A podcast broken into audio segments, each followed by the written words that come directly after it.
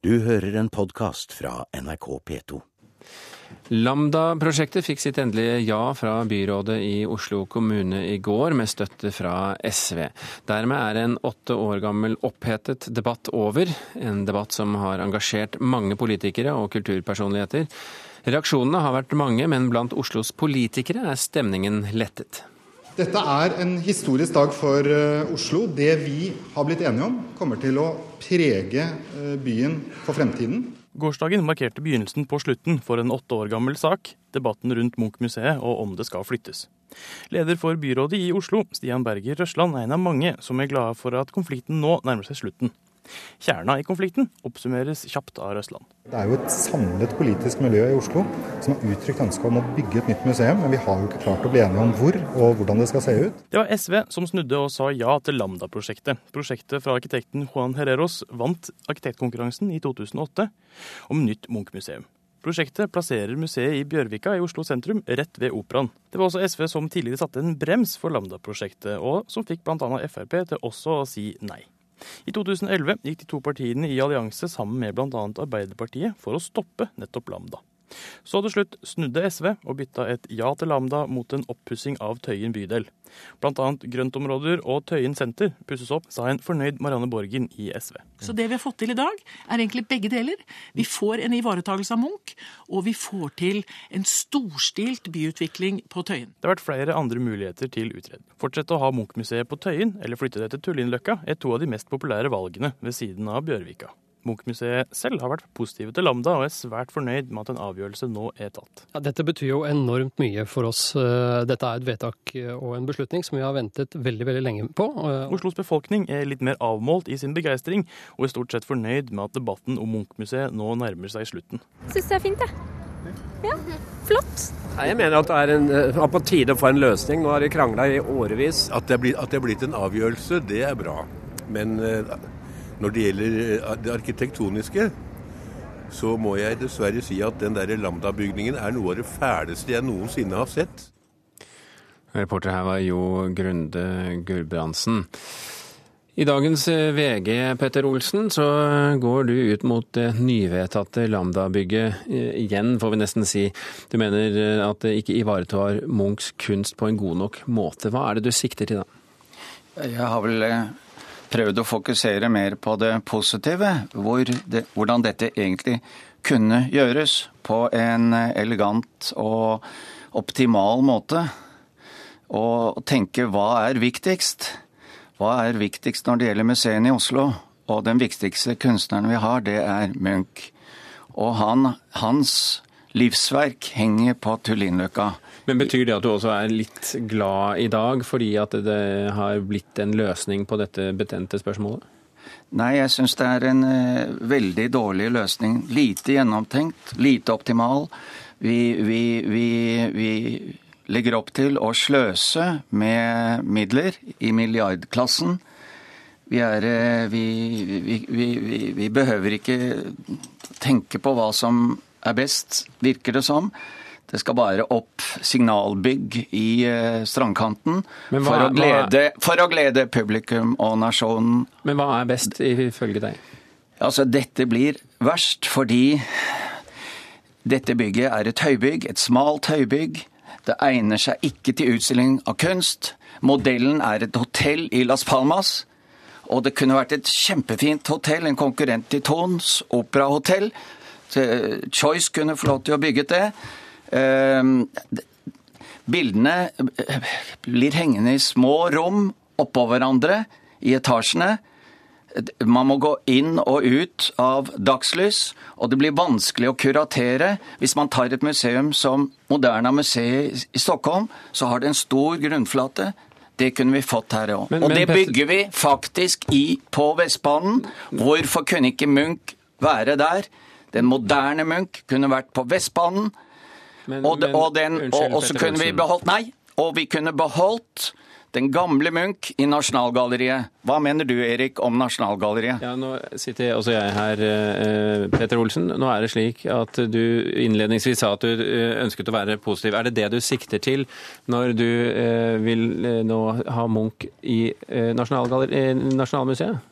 Altså Det positive må jo være å få den beste løsningen med minst mulig pengebruk. Erik eh, Collett, leder i Oslo arkitektforening, eh, som jevnt over har vært positive til Lambda-bygga. Hva tenker du om dette prosjektet som nå er vedtatt? Jeg tror at dette kan bli en god løsning både for Bjørvika, for Munch og for Tøyen som bydel. Her løses mange ting samtidig, noe vi har ventet på lenge. Hvorfor mener du at det er en god løsning for eh, Munch? Jeg tror at det kan bli et godt museum. Det er en, en myte og mangel på kunnskap at et såkalt vertikalt museum kan bli vanskelig. Der er jeg ikke enig med Petter Olsen. Vi har til sammenligning Pompidou-senteret i Paris, vi har Tate Modern i London. London de kan sees også på som vertikale museer. Flatene blir ikke så store per etasje. Og den har flere fordeler, både for de som skal drive museet, og for besøkende.